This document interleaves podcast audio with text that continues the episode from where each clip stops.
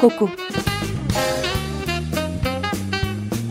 Kokudan gelen ve kokuya giden şeylerin tartışıldığı program.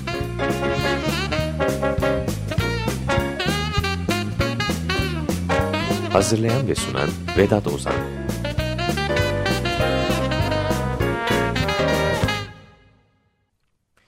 Merhaba ben Vedat Ozan bir koku programına daha hoş geldiniz.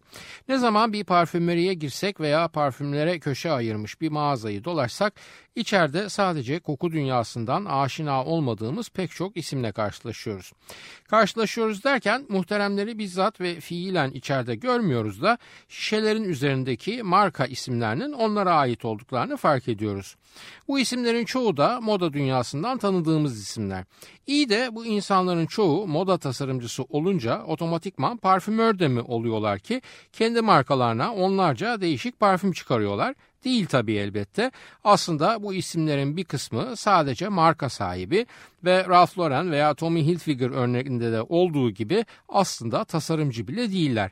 Yani çizimden dahi anlamıyorlar ama kendilerince bir zevkleri var ve bu zevklerini bizim de satın almamız için gerekli ilişkiyi biz tüketicilerle kurabilmiş durumdalar. Moda nedir? Biz, biz neyi neden satın alırız gibi bizi aşan konulara elbette girmeyeceğiz. Çünkü en basitinden ukalalık etmiş oluruz. Ancak bu konulara girmeyeceğiz demek kafamızdaki soruları paylaşmayacağız demek de değil ve yeri geldiğinde bunu yapmaktan elbette geri kalmayacağız. O zaman bizim programımızın kapsama alanına giren bir soruyu daha önce onlarca defa sormuş olmamıza rağmen yineleyelim. Moda markalarında imzası olan isimler nasıl oluyor da parfüm tasarlayabiliyorlar? Cevap basit. Elbette bu isimler parfüm falan tasarlamıyorlar. Sadece kendi markalarını belli bir bedel karşılığında şişenin üzerine ödünç verip aslında başka bir kuruluşun tasarladığı, ürettiği ve gene bir başkasının pazarladığı parfümlerin satılması için bizimle bağ kuran kişi konumuna geçerek aracı oluyorlar.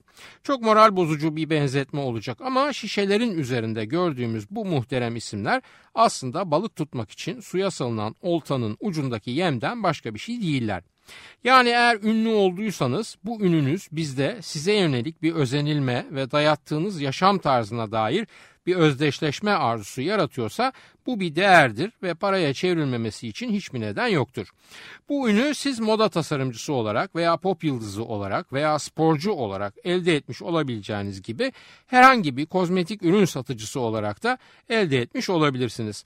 Bu üne ulaşma yollarınız koku ve kokulu ürünlerden anlamanızı asla gerektirmez Hatta sizin koku algınız çok çok zayıf bile olabilir.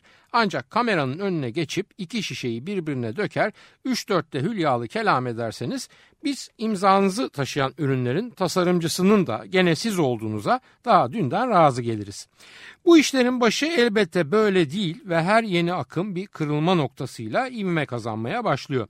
Çok önceki yayınlarımızdan birinde bir parfümör hanımefendiden söz etmiştim eğer hatırlarsanız ve bu hanımefendinin ismi Germain Cellier'ydi. Germain Cellier aslında koku ham maddesi üreten bir şirkete bağlı çalışıyordu ve bu şirketin ismi de Roux Bertrand Dupont şirketiydi. İşte bu şirket tam da Germain Sully'nin yaşadığı dönemde şirket patronu olan Louis Amick sayesinde öncelikle isim yapmış modacı ve terzilerden başlayarak pek çok ünlü kişiye kendi isimleri altında satılacak parfümler üretme önerisi götürüyor ve bu akımı başlatma şerefini üstleniyor. Yani diyelim ki siz o dönemde yaşamış ünlü bir terzisiniz ve varlıklı hatta sosyal hayatta da söz sahibi çok sayıda seçkin müşteriniz var. Louis Amick gelip size diyor ki kardeşim senin meşhur bir ismin var ve pek çok da müşterin var. Ben de bu parfüm işini iyi biliyorum. Gel ben sana bir parfüm yapayım. Sen de bunu kendi ismin altında senin ürününmüş gibi sat. Hem sen çok para kazanırsın hem ben çok para kazanırım. Hem de sana gelip giysi diktirecek kadar parası olmayanlar senin ismini taşıyan bir ürünün sahibi olabilirler. O zamana kadar işi sadece parfüm yapıp satmak olan markalara yani mesela Guerlain veya Coty'ye Louis Amin bu dahiyane önerisi sayesinde pek çok rakip çıkıyor böylece. Dönem itibariyle bu akımın Fransa'da başlamış olması da elbette onu Fransa ile sınırlı tutmuyor. Zaman içinde Atlantik'in öbür kıyısı Roma'dan beri gelmiş geçmiş en tüketici toplum olan Amerikan toplumu da bu buluştan nasibini alıyor. Peki nasıl işliyor bu süreç? Öncelikle taraflar bir araya gelip bir parfüm çıkarmaya karar veriyorlar elbette. Ondan sonra marka sahibi şirketin karar verme yetisine, yetki değil yeti diyorum özellikle belirteyim, yetisine sahip isimleri koku üreticisi firmaya nasıl bir koku istediklerini bildiriyorlar. Daha sonra koku üreticisi firma bu istek doğrultusunda numuneler hazırlayıp marka sahiplerine sunuyor ve değerlendirmelerini istiyor.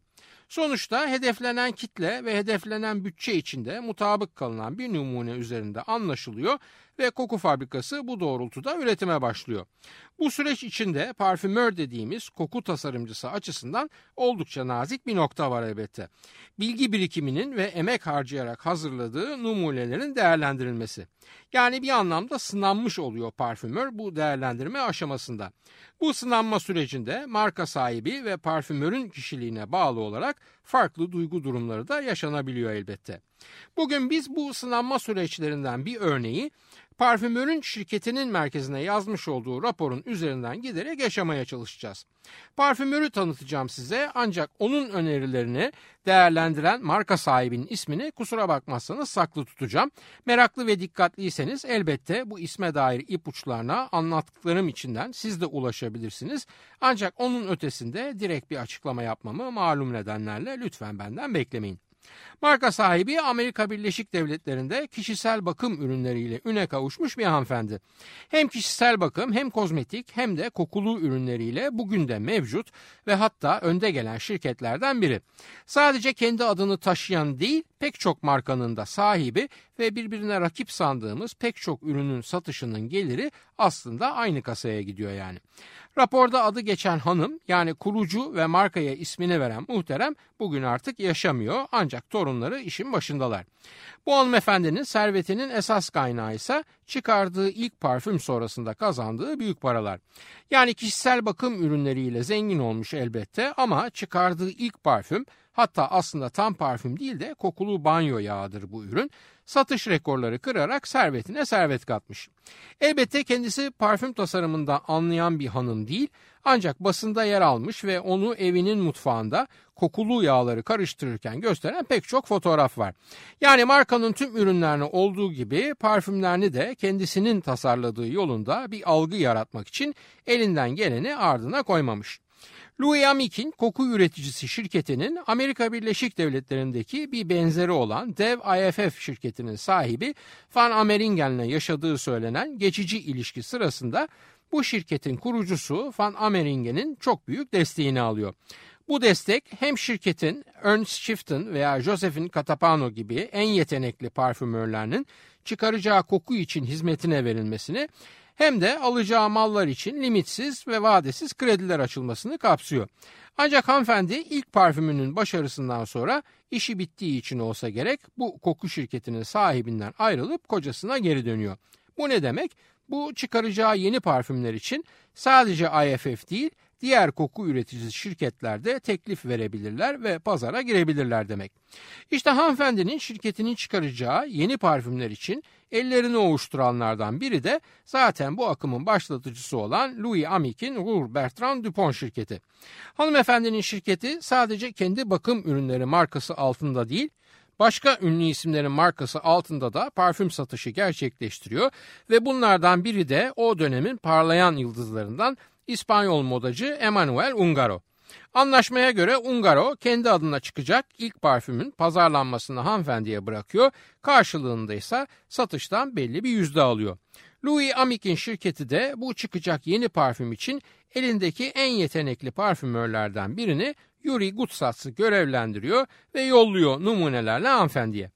Numuneler beğenilirse kokuyu Amik'in şirketi olan Rur üretecek, satışını hanımefendi yapacak, isim bedeli olarak belli bir yüzdeyi de Ungaro alacak. Yok eğer beğenmezse bu kez Ungaro için çıkarılacak ilk parfümü Amik'in şirketinin benzeri bir başka rakip şirket IFF veya Firmenich veya Quest o işte her neyse o dönemde onlar yapacaklar. Yani bir nevi ihale veya yarışma durumunda bu olay. İsterseniz önce bu sunum işiyle görevlendirilen ve parfüm numunelerini tasarlamış olan parfümörü yani koku tarihinin en ilginç simalarından biri olan Yuri Gutsatz'ı kısaca bir tanıyalım sonra raporun okunmasına geçelim. 1914 St. Petersburg doğumlu Yuri Gutsats yani Rusya'da doğuyor. Ancak ailesi o henüz çocukken devrimden kaçarak önce Almanya sonra da Fransa'ya yerleşiyor. Babası bir kimyager ve Yuri'nin çok sonradan öğrendiğine göre koku molekülleri konusunda önemli çalışmalar yapmış Peder Bey. Hatta 1935 yılında amilsinamat molekülü için patent başvurusunda bulunduğu falan ortaya çıkmış sonraları. Gene göçmen bir Rus'un sahip olduğu parfüm şirketi Maison Murie'den teklif alınca hep beraber Paris'e göç ediyorlar ve babasıyla beraber aynı yerde işe giriyor Yuri.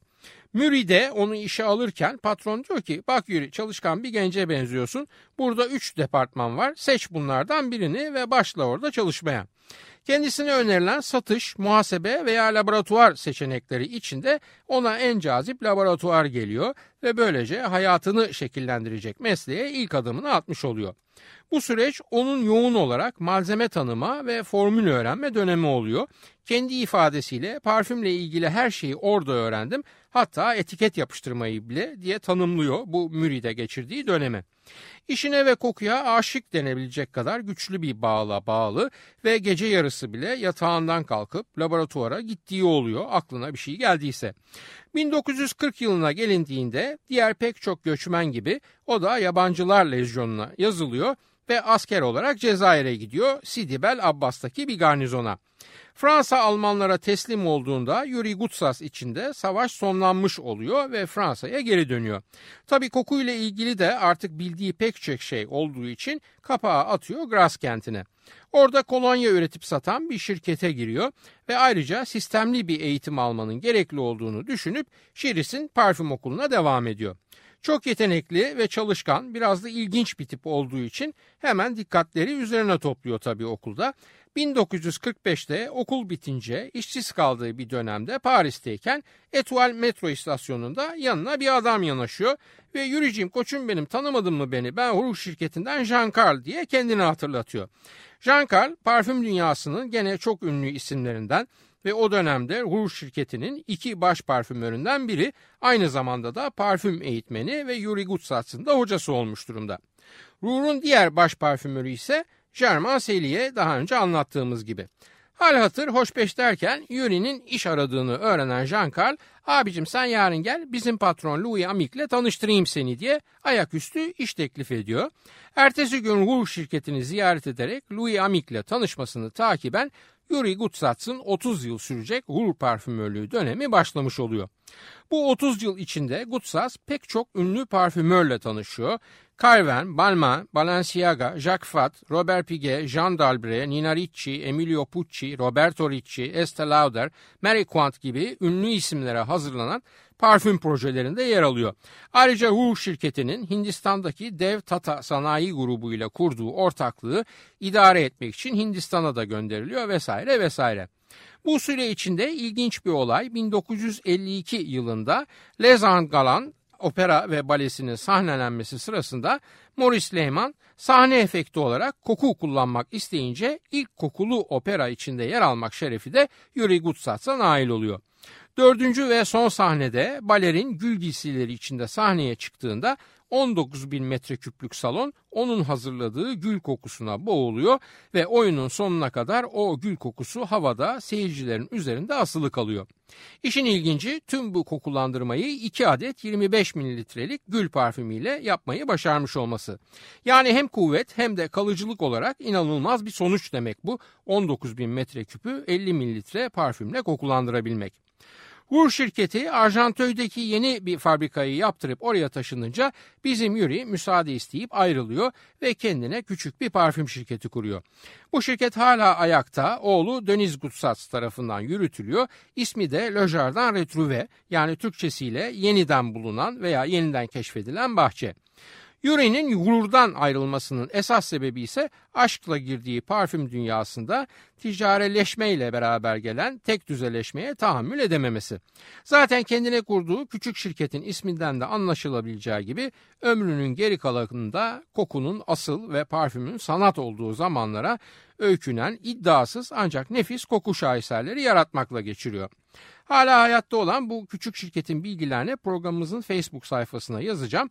İlgilenenler bu küçük markanın ücretli numune programından sipariş yapıp Yuri'nin kendine tasarladığı parfümler hakkında fikir sahibi olabilirler.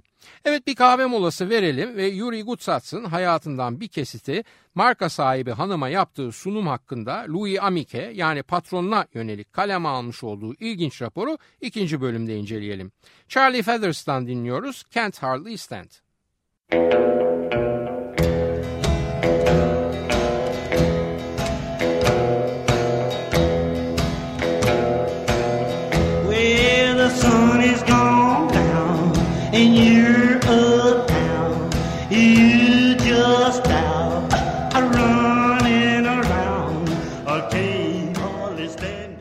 Radyosunu yeni açanlar için hatırlatıyorum. Açık Radyo 94.9 Koku programındayız. Ben Vedat Ozan. Charlie Feathers'tan dinledik Can't Hardly Stand. Evet Yuri Gutsat İspanyol modacı Ungaro'nun bundan böyle isminden Bayan L diye bahsedeceğimiz kozmetik imparatoriçesi hanımefendinin şirketinden çıkaracağı parfüme ilişkin numuneler sunmak üzere Louis Amick tarafından görevlendiriliyor. Gardenia temelli bir parfüm için muhtelif örnekler hazırlanmış durumda. Tarih 1964 yılının Aralık ayı. Aslında tam da Gardenia değil de Hindistan'da rastlanan Keora veya latincesiyle Pandanus fascicularis adlı bir çiçek parfüme karakterini veren. Feniletil metil eter çiçeğin koku profilinin özeti olan molekül yeşil, metalik ve mantarımsı bir kokusu var ve bu koku Bayan L'den önce onu koklayan Ungaro'nun kendisinin bayağı hoşuna gitmiş. Raporu Yuri Gutsas'ın ağzından özetleyerek okuyorum efendim. Bayan L'nin Paris ziyareti belli olduğunda Emmanuel Ungaro'yu aradım ve Zürih'te buluştuk.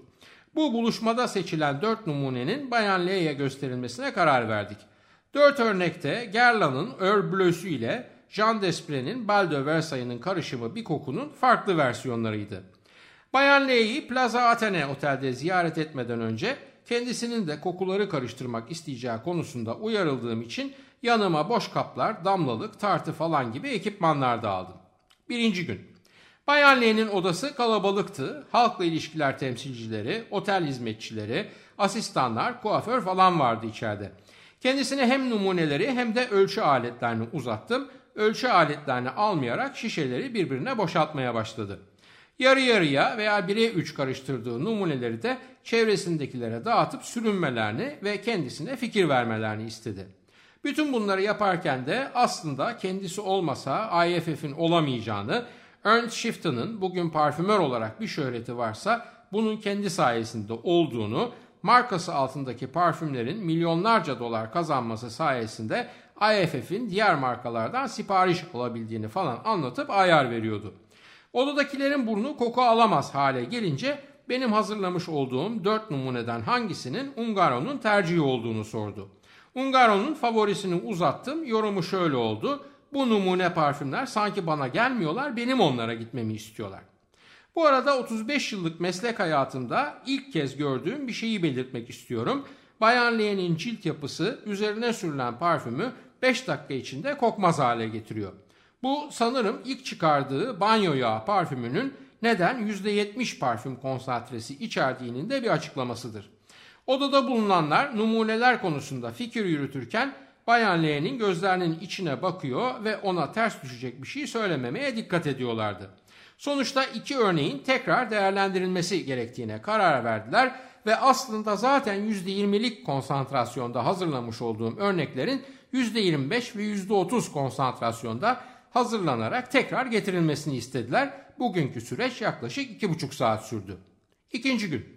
Manzara ilk günden fazla farklı değildi. Bu kez daha kokulara bile bakmadan diskur çekmeye başladı Bayanle ve Avrupa'nın koku konusundaki cehaletinden Fransız kadınların ne hangi parfümü kullanacakları ne de nasıl kullanacakları hakkında fikirleri olmadığını iddia etti. Gerla'nın yeni çıkardığı Şamad'ın kesin bir fiyasko olacağını söyledi. IFF'in patronu Van Ameringen'in müşterilerine numune sunmak için nasıl onun fikrine ihtiyaç duyduğunu da söylediklerine ekledi. Uzattığım numuneleri yani %25 ve %30 konsantre parfümleri zayıf buldu ve kokuların yeterince hissedilmediğinden şikayet etti. Ayrıca numunelerden birini sürünüp önceki gece Maxim'e gittiğinde kimsenin kendisine yaklaşıp ne güzel kokuyorsunuz demediğini, Oysa daha önce kendi çıkardığı bir parfümü sürdüğünde herkesin o şekerim bugün ne harika kokuyorsun diye iltifat ettiğini ifade etti. Kendisine evrensel anlamda herkesin beğeneceği bir parfüm yaratmanın imkansız olduğunu söylediğimde bana hayretle baktı ve kendi ilk parfümünün adını vererek ama onu istisnasız herkes çok beğeniyor diye itiraz etti. Daha sonra ortaya üzerinde hala IFF etiketi duran bir şişecik çıkararak bunun kendi yaptığı bir formül olduğunda ısrar etti ve odadakilere koklattı, izlenimlerini sordu. Etraftakiler de ve özellikle besteci bir Macar hanım da muhteşem koktuğunu söyleyerek onu tebrik bile etti. %25 ve üstü konsantrasyon içermesine rağmen benim yeni numunelerde fazla alkol koktuğu gerekçesiyle reddedildi ve akşam saat 8'e gelindiğinde ertesi gün tekrar buluşmak üzere ayrıldık. Üçüncü gün. Bu kez odaya girdiğimde Bayan L akşam Lido'da bir baloda giyeceği elbiseyi prova ediyordu. Gene kuaför ve hizmetçiler odadaydı. Bayan L oldukça yorgun görünüyordu ve makyajsızdı. İlk yarım saat bana prova ettiği kıyafetle ilgili fikirler sordu ve yeterince çingene görünüp görünmediğini öğrenmek istedi. Çünkü akşam Lido'daki baloya herkes çingene kıyafetiyle katılacakmış. Gerçekten çingeneye benzediğine ikna olması için elimden geleni yaptım ve bunun sayesinde benim numuneleri bu kez biraz daha dikkatli inceledi. Tabi etrafındakilere de koklattı ve bu kez %60'lık karışımlar hazırlamamı talep etti. Ungaro'nun favorisinin hangisi olduğunu unuttuğundan onu tekrar sordu ve Allah'tan o numune odadaki kızların da beğendiği bir kokuydu. Bu arada Bayan Lee'nin aklına neden aynı anda iki parfüm çıkarmayalım diye bir fikir geldi ve uzun süre bunun üzerine konuştu. Odada eşi Bay L de vardı ancak pek lafa girmedi. Ne zaman ki Bayan L örneklerden birinden parfüm haline gelmiş 2,5 kiloyu New York'a göndermemi istedi. Hatta parfümün üzerine Made in France yazabilmek arzusunda olduğunu dile getirdi. Bay L ancak o zaman lafa girerek bunun mantıksız olduğunu, alkolsüz konsantreyi Amerika'ya ithal edip orada alkolle karıştırmanın gümrük vergiler açısından çok daha avantajlı olacağı konusunda uyarıda bulundu. Bayle Amerikan alkolünün en az Fransız alkolü kadar kaliteli olduğunu da cümlelerine ekledi. Her şeye rağmen sanki toplantı iyiye gidiyordu ve Bayan Lee'nin önceki günlerdeki şovlarının sadece şov olsun diye yapıldığını düşünmeye, onun da aslında Ungaro'nun seçtiği numunede hem fikir olduğuna inanmaya başlamıştım ki bu kez yarın gene gel ama bu arada bu numuneye de bir şeyler yap çünkü kokusu çok çabuk uçuyor dedi. Gece hem şirkete hem de Ungaro'ya durumu özetledim. Ungaro iki parfüm birden çıkarma fikrinin saçmalık olduğunu ve kendi imzası altında sadece tek bir parfüme onay verebileceğini söyledi. Dördüncü gün. Bu son toplantımızda Bayan L tamamen değişmişti. Solgun ve yorgundu, hafif de nezle oluyor gibiydi. Telefonda Windsor düşesiyle konuşup geceki Lido balosu konusunda sohbet ettiler. Yeni numuneleri koklamadı bile ve dün odada bulunan Ungaro'ya bağlı kızların numunelerin üst notalarını beğenmediklerini inanmıyorsam onlara telefon edip sorabileceğimi söyledi. Hatta eşi Bayan L'nin kokuyor diye şikayet ettiğini de dile getirdi. Şunu belirtmeliyim ki daha sonra Ungaro'dan Bayan Labar'la yaptığım görüşmede kızların asla böyle bir eleştirileri olmadığını bilakis hepsinin Ungaro'nun da beğenmiş olduğu numuneyi çok beğendiklerini Bayan L'ye ifade ettiklerini bana söyledi. Bayan Labar'a göre Bayan L'nin böyle davranma nedeni Ungaro adına biri alkollü, biri alkolsüz olmak üzere iki parfüm çıkarmak istemesi ve bu ikincinin de IFF tarafından hazırlanmış olan ancak kendisinin yaptığını iddia ettiği parfüm olması. Neyse Bayan L'nin eleştirisi üzerine yarım saat izin isteyip otelime döndüm. Numunelerden birine %10 oranında aldehit ilave edip geri geldim. Bezgin ve titrek bir sesle neden bu kadar çok alkol koyuyorsunuz bunun içine diye bana çıkıştı. Bunun içinden alkolü tamamen çıkarıp bana alkolsüz bir parfüm yapın dedi. Bu konuda benim elimden bir şey gelemeyeceğini, bu konuyu Ungaro ile görüşmeleri gerektiğini kendisine hatırlattım. Başka bir partiye gitmek üzere hazırlanmaya başladı ve bütün numuneleri yanına alacağını belirtti. Devam eden bütün çalışmalarımı da New York'a kendisine göndermemi istediğini tembih etmeyi unutmadı. Bu arada kendisine ayrıca oldukça seyrek konsantrasyonda 2 adet kolonya ile tuvalet suyu arası koku koklattım ve hayret bir şekilde bunları çok beğendiğini belirtti. Aslında otel odası o kadar ısıtılmıştı ve hava parfüm kokularıyla o denli ağırlaşmıştı ki yeni bir kokuyu algılamanın kesinlikle imkanı yoktu. Beni vereceği karar hakkında arayacağını söyleyerek iletişim bilgilerimi talep etti. Bu raporu sonlandırırken bu aşamada beğenilmeyen koku ögesini parfüm formülümden çıkarıp yeni numunelere devam edeceğimi ancak bu beğenilmeyen ögenin de keora çiçeğinin ta kendisi olduğunu bilmenizi isterim. Bunu yaparken aynı zamanda %40 konsantrasyonda bir de alkolsüz parfüm çalışmaya başlayacağım. İmza Yuri Gutsat. Evet bu işler böyle. Kimi kokudan zerre anlamaz ama Fransızlara bile parfüm dersi verecek gibi hisseder kendini. Kiminin ise hayatı kokudur ama bu rapordakilere şahit olunca koku endüstrisine küsüp kendi küçük dünyasına çekilir. Ungaro için hazırlanan ilk parfüm ne oldu dersiniz? Çok zaman sonra bu numunelerle ilgisi olmayan başka bir koku numunesine dayalı olarak piyasaya çıktı elbette. Bayan L'nin reddettiği Yuri Gutsatz'ın numunesi ise birkaç yıl sonra gene Bayan L'ye bağlı bir başka erkek markası altında satışa sunuldu. Haftaya bir başka kokuda buluşmak üzere artık hoşça kalın diyorum. Soru, öneri, eleştirileriniz için e-posta adresimizi veriyorum. kokuprogrami.yahoo.com Yayınlarımızda adı geçen konulara ilişkin görselleri az sonra facebook.com Taksim Vedat Ozan Koku adresinde de görebilir. Soru ve yorumlarınızı oraya da yazabilirsiniz. Ben Vedat Ozan, radyonuz kokusuz kalmasın sevgilerimle.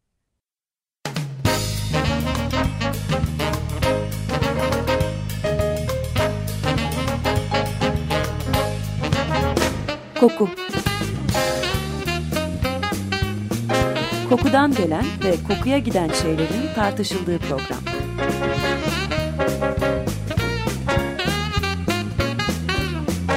Hazırlayan ve sunan Vedat Ozan